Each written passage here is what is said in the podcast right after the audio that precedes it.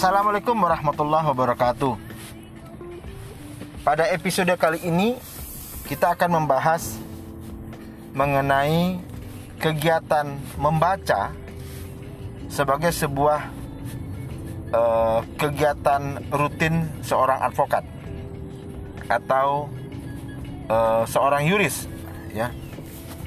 Saya fokuskan kepada advokat karena secara pribadi saya uh, menekuni sebagai advokat dan karena saya memang belum pernah menjadi seorang uh, hakim, jaksa, uh, kepolisian dan uh, notaris, tentu saya tidak punya kewenangan untuk memberikan uh, pendapat terkait dengan profesi tersebut. Namun izinkan saya Irawan Harahap sebagai pengasuh uh, podcast Bincang Hukum Iran Harahap membagikan sedikit pengalaman selama saya menekuni profesi ini. Membaca Mungkin bagi sebagian orang membaca adalah kegiatan yang menjemukan. Harus berhadapan dengan rangkaian huruf dalam sebuah kata yang kemudian dirangkai menjadi kalimat dan sering sekali uh, itu tidak hanya dalam beberapa lembar saja, tetapi bahkan puluhan bahkan ratusan lembar. Ya. Tapi itu sebuah kegiatan yang pasti akan terus dihadapi sepanjang memang memilih profesi sebagai advokat. Dan tidak boleh jenuh atau mungkin malas. Karena saya berpendapat tidaklah mungkin seorang petani merasa jenuh untuk berangkat ke sawah atau seorang nelayan tidak akan pernah merasa jenuh ketika dia harus berangkat melaut untuk mencari ikan. Demikian juga seorang advokat tidak mungkin jenuh atau tidak dibolehkan untuk jenuh. Nah, tetapi membaca itu juga punya strategi, termasuk juga apa yang menjadi perhatian ketika sesuatu itu dibaca, atau apa-apa saja yang penting perlu dibaca. Menurut saya, uh, dengan pengalaman singkat menekuni bidang hukum mulai menjadi asisten di tahun 2000 hingga kini ada dua yang sebaiknya uh, ditelateni oleh seorang advokat.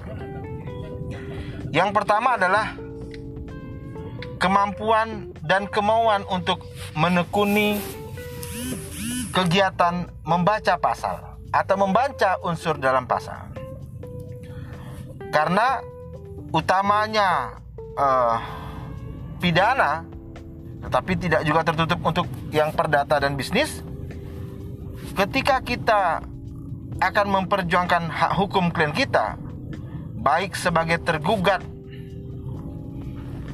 ataupun penggugat dalam perkara perdata baik sebagai uh, terlapor tersangka Eh, terdakwa dalam perkara pidana, maka kemampuan untuk membaca pasal penting.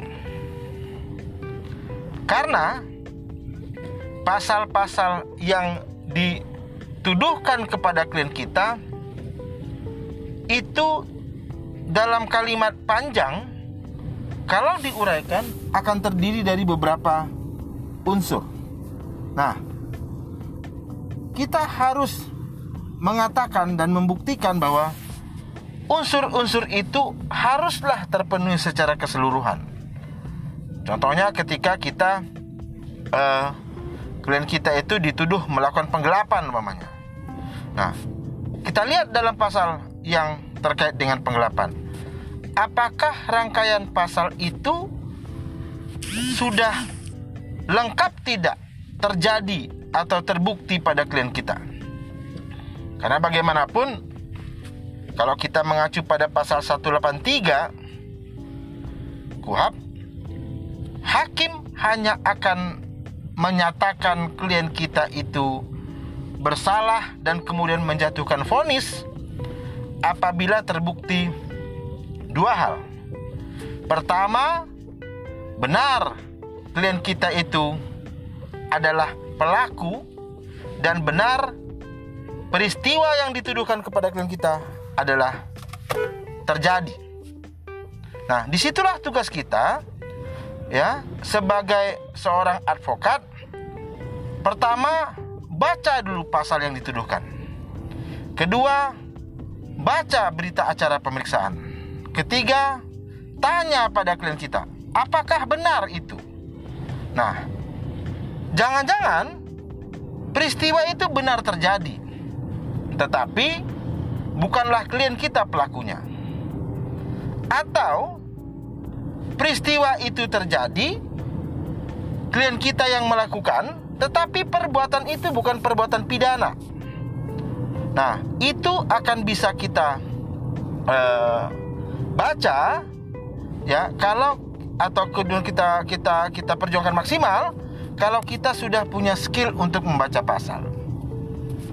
Yang kedua, selain membaca pasal, tidak kalah pentingnya adalah kemauan untuk membaca putusan-putusan terdahulu yang telah diambil oleh majelis hakim. Ada banyak uh, sumber-sumber yang bisa Anda baca. Salah satunya adalah Varia Peradilan ya. Jadi buku Varia Peradilan dan yang kedua adalah buku-buku yang terkait dengan jurisprudensi. Ini penting dilakukan karena ketika kita membaca putusan-putusan terpilih yang dimasukkan oleh tim penyusun atau redaksi uh, majalah hukum varia peradilan kalau kita terbiasa membacanya kita akan mudah.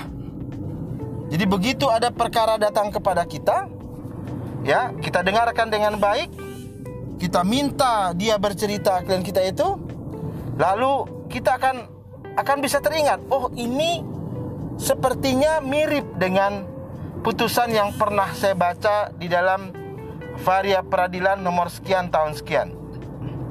Nah, saya sudah merasakan uh, manfaatnya. Jadi begitu kemudian kita mendengarkan uh, rangkaian informasi dari orang yang datang kepada kita, kita sudah mempunyai acuan, kita sudah mempunyai semacam uh, gambaran ke mana arahnya perkara ini nanti. Saya sepakat tidak ada perkara yang sama persis di muka bumi ini. Karena bagaimanapun perkara itu pasti ada beda antara satu perkara dengan perkara yang lainnya. Minimal para pihaknya pasti beda kan begitu. Tapi uh, selain tips-tips yang mungkin sudah pernah didengar Eh, dibaca atau disampaikan oleh advokat-advokat tangguh dan senior lain di Indonesia, izinkan saya untuk uh, memberikan saran kepada kita semua yang memilih menjadi advokat. Satu, tingkatkanlah skill membaca pasal atau membaca unsur pasal.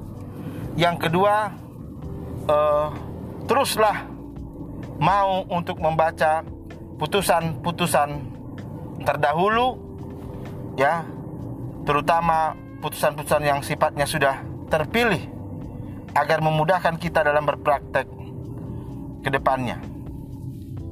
Demikian dari saya Irawan Harahap tanggal 17 April 2020 di Pekanbaru Riau. Assalamualaikum.